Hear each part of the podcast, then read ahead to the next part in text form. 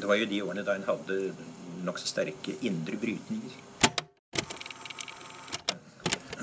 Indre brytninger.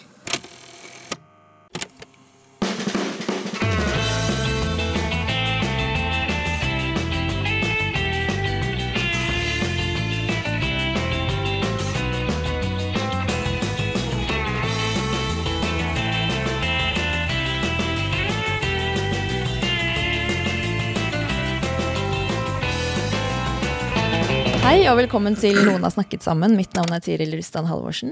Og mitt navn er Fredrik Mortvedt.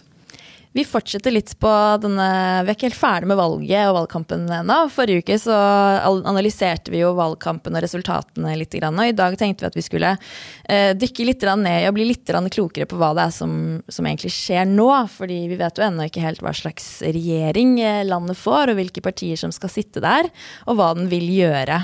Um, men det er jo noen paralleller. Det har jo blitt eh, forhandlet regjering før, og disse tre partiene som nå har um, flertall, uh, har sittet i regjering sammen før. Og Derfor så har vi hentet inn litt uh, ekspertise fra den uh, gangen. Anne Grete Strøm Eriksen, velkommen hit. Takk for det. Du er jo tidligere forsvarsminister og helse- og omsorgsminister i den Stoltenberg II-regjeringen som, mm. som satt fra 2005.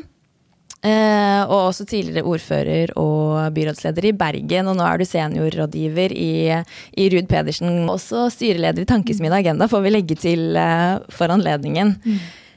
Eh, hvis vi kan på en måte Nå har jo eh, Jonas Gahr Støre hatt Vedum på middag og Audun Lysbakken på lunsj, og han har drukket kaffe med Bjørnar Moxnes og gått tur med Une Bastholm.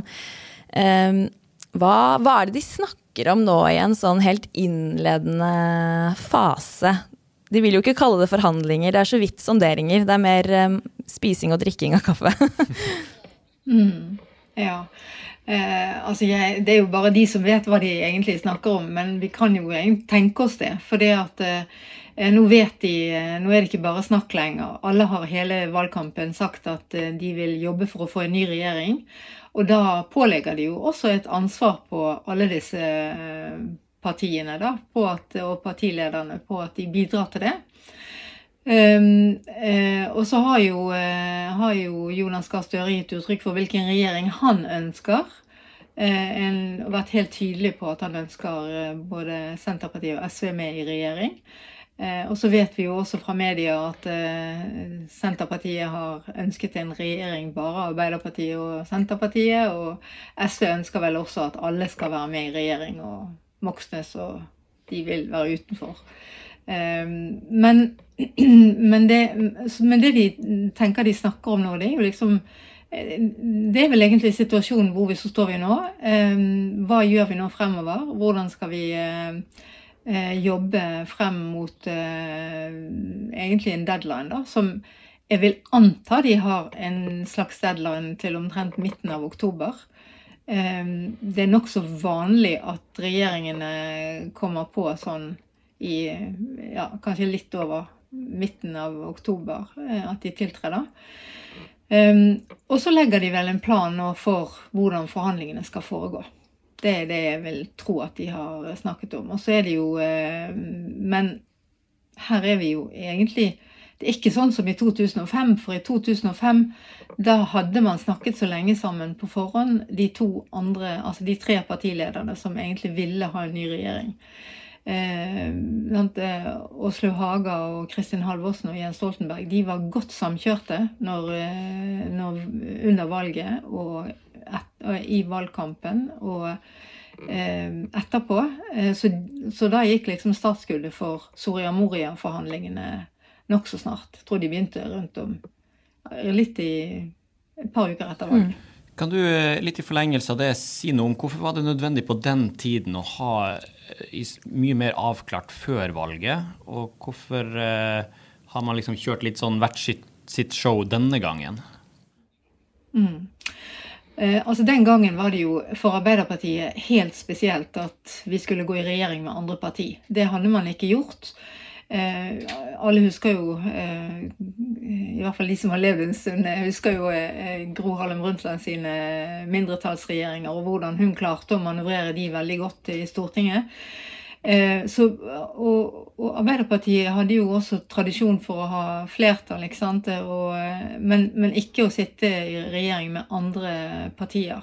Så det var en ny ting for Arbeiderpartiet. En veldig grundig strategi som jeg tror partisekretæren Martin Kolberg har en stor del av eh, æren for eh, å meisle ut den strategien.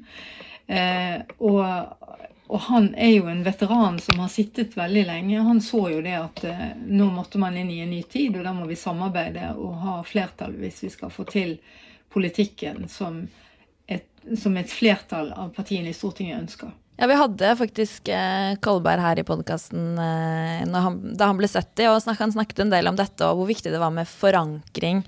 For, for nettopp mm. fordi det var en, en, et stort steg for Arbeiderpartiet. da. Eh, det har man jo ikke hatt eh, noe særlig tid til uh, nå, tenker du? Eller er det litt mer sånn vi har gjort det før, så nå er det opplagt for alle at man skal samarbeide videre?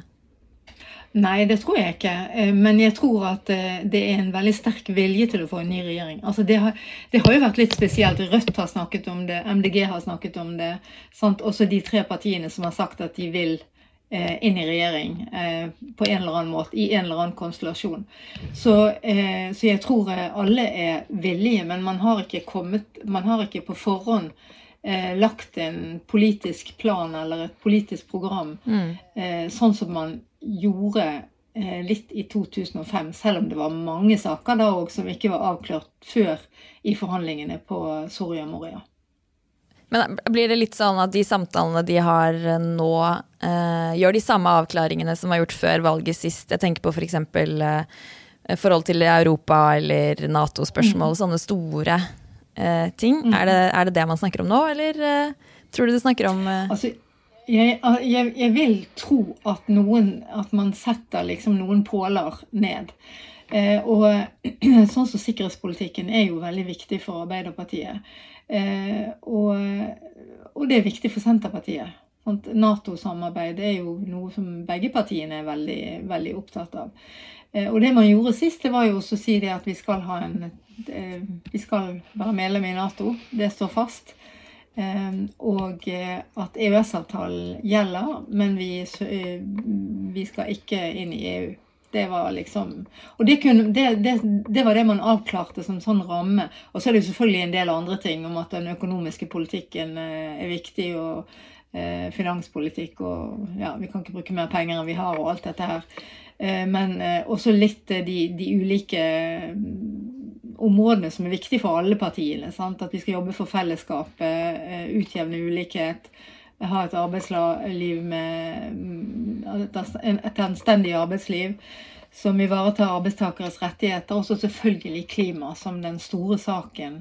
Du nevnte at uh, man sannsynligvis uh, får se noen resultater, at de har satt seg selv en deadline midten av oktober, og det handler vel om at da blir statsbudsjettet lagt frem av den utgående regjeringen. Mm. Um, men Jonas Gahr Støre har også sagt at, uh, at, de skal ta den tiden de, de trenger. Uh, tror du vi kan se for oss at det kan gå lang tid etter uh, At vi kan begynne å se slutten på oktober og til og med november før vi har noe klart? Nei, det tror jeg, jeg, jeg tror jo ikke det. Men for å si det sånn, det var klokt sagt av Jonas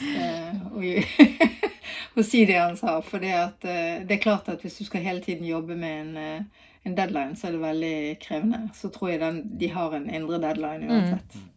Hvordan så, hvis vi holder oss i 2005, hvordan så tidslinjen ut da fra valgdagen, eh, hvor dere fikk flertall, til eh, regjeringen eh, var klar å komme ut på, på Slottsplassen? Hva gjorde dere i mellomtiden? Ja, du vet, Noen av oss vi, vi, skulle jo bare Jeg var jo eh, valgt inn på Stortinget og skulle inn på Stortinget, kom jo inn på Stortinget jeg tror vi begynte så smått helt i begynnelsen av eh, oktober. Eh, men eh, partilederne og partisekretærene de satt jo og forhandlet. Eh, og de forhandlingene tror jeg begynte 26.9. Eh, og, og regjeringen var jo tiltrådte 17.10. Og jeg visste vel ingenting før dagen før. Eller? Ja, For da fikk du en telefon fra Om at jeg skulle inn i regjering, da. Da fikk du en mm. telefon fra Jens?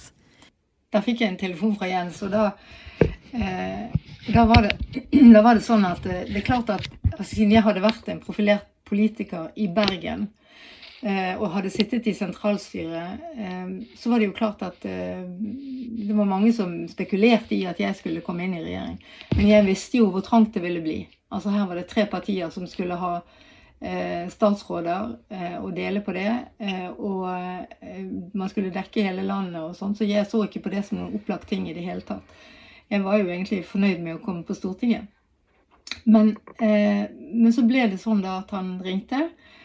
Eh, og så, når Jens ringte og sa at eh, Anne Grete, jeg har tenkt å spørre deg om du kunne tenke deg å bli forsvarsminister i den nye regjeringen, eh, da skal jeg bare innrømme at jeg nesten trodde at det var eh, han Team Antonsen som ringte. Fordi det hadde stått mye i det hadde stått mye i media om at det var noen sånne tulletelefoner som ringte opp til en del personer. Og jeg, altså hadde, eh, jeg hadde jo vært lokalpolitiker, jeg hadde jobbet innenfor mange politiske felt, men egentlig ikke politisk innenfor forsvar, selv om jeg ikke var helt ukjent med forsvar. Vi har jo en stor base i Bergen. Men, men, var, men jeg da skjønte at det var rett, eh, så tenkte jeg bare at eh, Ja, jeg tenkte litt. Jeg tenkte litt. du sa ikke ja med en gang? I eller? telefonen. Og så Nei, men så sa jeg jo ja. Man sier jo ikke nei hvis man overhodet kunne tenke seg Og det har jeg jo aldri angret på. Det er jo veldig mye spekulasjoner nå rundt ehm, Det er jo i hvert fall veldig tydelig at de partiene som går inn i regjering, partilederne skal ha en sentral rolle i en ny regjering. Altså prominente eh, statsrådsposter, da hvor de kan markere sine kjernesaker. Men så er det jo mange andre statsråder som også poster som skal fylles. Kan du si litt om, om hva en statsminister må ta hensyn til når eh, en hel regjering skal settes ned? Du nevnte noen ting av det, bl.a. representasjon fra eh, hele landet. Men er det noen andre kriterier som ligger til grunn her? Eh, altså For Arbeiderpartiet så har det jo vært viktig å ha noen som har en tilknytning til fagbevegelsen, sånn tradisjonelt. Um, og for Senterpartiet så har vel de også sine kriterier for hvordan de velger. Men eh, jeg vil jo si at akkurat det med det at man skal representere geografisk hele landet, det er utrolig viktig. Eh, og det er nok eh, viktig for de fleste partiene, i den grad de, de klarer det. Det er klart at et mindre parti med færre statsråder har vanskeligere for å oppfylle det enn det Arbeiderpartiet kanskje kan ha. Og så selvfølgelig så er det jo Eh, altså, du setter eh, vanligvis en erfaren eh, politiker eller en med gode kunnskaper inn i Utenriksdepartementet. Og, ja, altså en som eh, har altså en, en, tung politiker, samme på finans. Eh, men, eh, men ja, så jeg tror nok det at de, de gjør grundige vurderinger som er helt logiske. Sant? At man skal man har kanskje et visst kjennskap, men ikke være ekspert. Altså det, vi er tross alt politikere. Jeg kom inn i Forsvarsdepartementet og hadde jo ikke sittet på Stortinget. Men det gode var at hadde, vi hadde en parlamentarisk modell i, i, Bergen da, og så har vi et uh, livlig mediemangfold. sånn, at, sånn, at, det var ikke helt uh, ukjent. Men det er klart at det er jo um, Ja. Du, jeg, jeg, tipper det at de tenker litt på hvem egner seg hvor. Og uh, det gjør de selvfølgelig og hvilken Ja.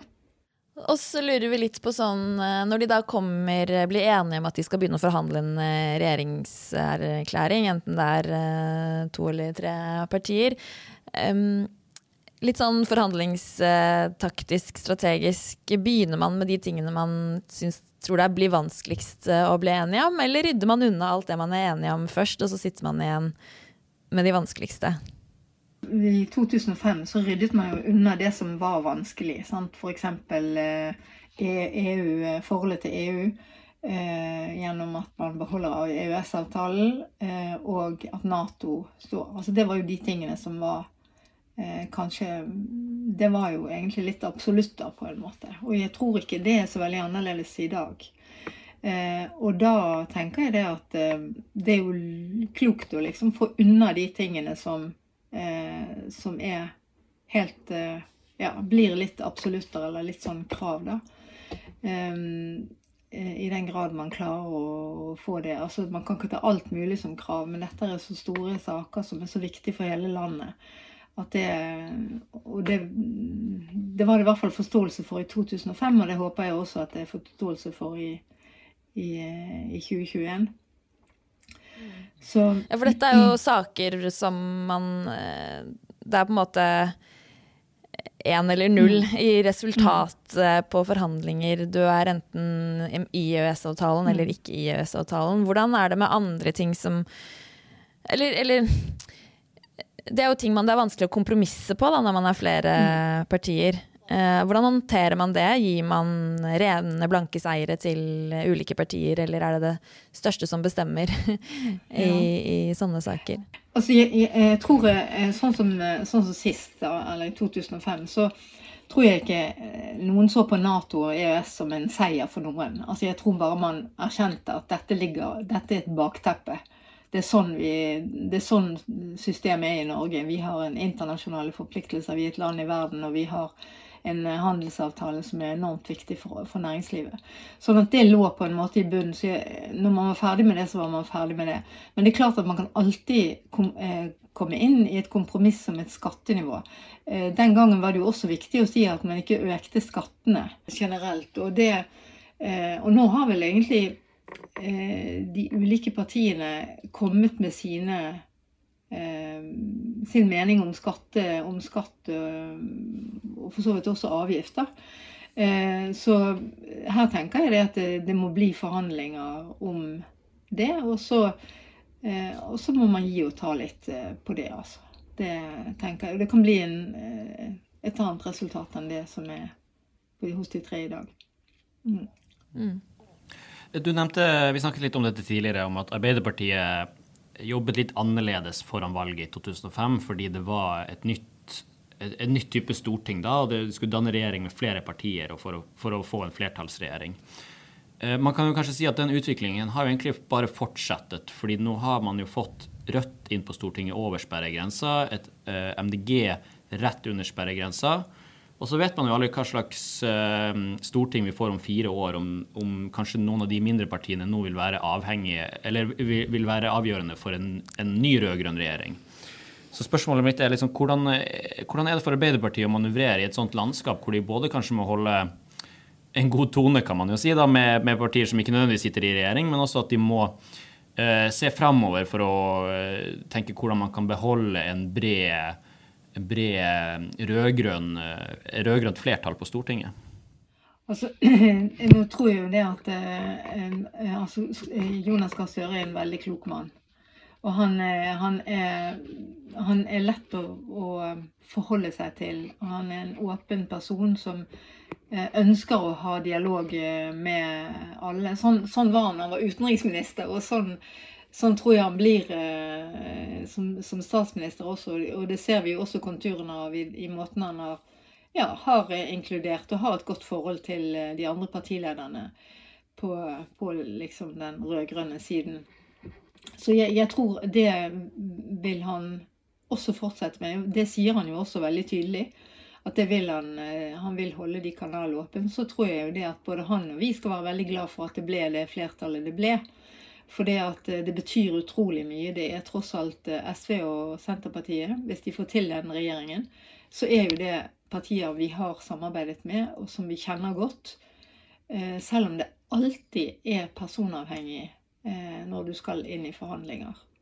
Ja, ja fordi det er også et, et spørsmål her. Hva lager man en regjeringsplattform for de 85 mandatene? Nå er jo Arbeiderpartiet, Senterpartiet, SV litt over det, da. men Lager man for de 85 mandatene, altså akkurat stortingsflertallet, eller lager man for de 100 mandatene som, eh, som man på en måte tegner som den, den røde, røde ikke-borgerlige blokken, da? Jeg tror eh, noen, eh, I noen politiske områder så kan det vel hende at man er uenig også, direkte uenig med med noen av de andre partiene. ikke sant? Eh, og det, det, er klart, da, da, tar man jo ikke, man tar jo ikke inn de punktene hvor man er uenig. Altså Det er en, en grunn til at det er forskjellige partier. Eh, så, men at man tar eh, hensyn til det overordnede, altså det overordnede verdispørsmålet, dette med mer fellesskap, utjevne ulikhet, klima.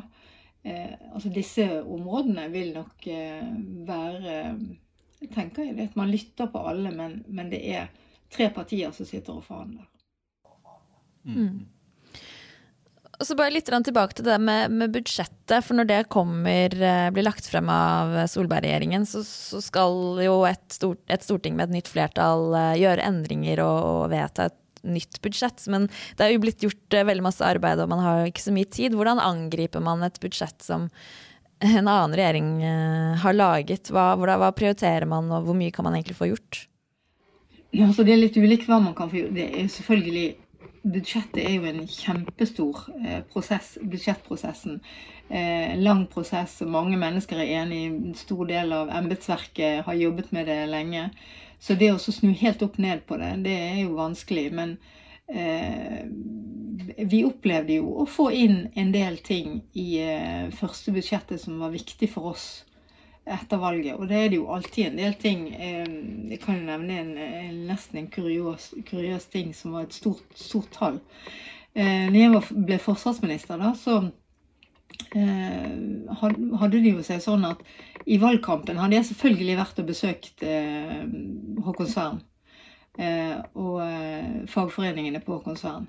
Og det var én ting de ville ha. De ville ha en ny tørrdokk på konsernet, Det var jo et svært byggeprosjekt inni en, uh, inni en fjellhall. Uh, og så sa jeg selvfølgelig det at ja, det skal vi jobbe for. For dette, dette var jo viktig for, for de og Arbeiderpartiet i Hordaland og sånt var, mente at dette var viktig. Men du vet, jeg drømte jo ikke om at jeg skulle komme inn i Forsvarsdepartementet og plutselig ha denne fjellhallen til noen hundre millioner Eh, og måtte eh, si, kjempe for den inn i første budsjettmøte. Og det, var jo, det kan man jo sikkert tenke seg. Det var jo mange som hadde sånne saker. Men eh, jeg gjorde nå det, da. Og det ble fjellhall. Så ja. mm. Så det er mulig? Det er mulig å gjøre ting, men det er klart det er, det er, det er krevende. Det er det. det. Men noe klarer de å få til. Det gjør de. Hva tenker du eh, dagens rød-grønne flertall har å bygge på da, fra det forrige som den du satt i? Hva er liksom arven og den røde tråden? Altså det er vel det som jeg tror være, altså, vil være viktig for alle, det er at alle skjønner og tar hensyn til hverandre og eh, oppfører seg eh, eh, si, godt i forhold til hverandre. Har gode, for, gode relasjoner.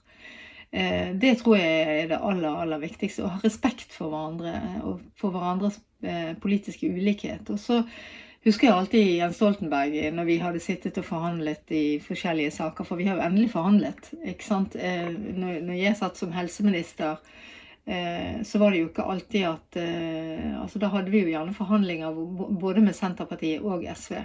Og det var ikke alltid enkelt. Du skulle, skulle lage ny helse- og sykehusplan. ikke sant? Så, så var det eh, ja, ulike interesser og ulike meninger om, hvordan, om, om, formuleringer. Og da sitter du og forhandler, men du må ha respekt for eh, at de, alle, har, alle, har, en bakgrunn. Alle har en, eh, en, politikk som er viktig for deres bakland og for deres eh, eh parti. Så ja, det, det er om å gjøre å ha å ha, ha, god tid. Og så sa alltid Jens at eh, jeg syns nå alltid det at når vi forhandler i fellesskap, så får vi bedre, bedre politikk. Og kompromisser er ikke alltid, ikke alltid det verste. Det kan ofte bli bedre politikk av det.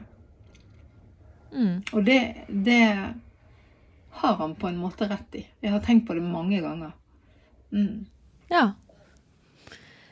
Det tror jeg var et fint uh, siste ord, egentlig. Og en slags oppfordring til de som uh, skal nå, mm. forhåpentligvis, inn og forhandle. Uh, Anne Grete Strøm Eriksen, tusen takk for at du kom til Noen har snakket sammen. Takk skal du ha. Takk for at jeg fikk komme.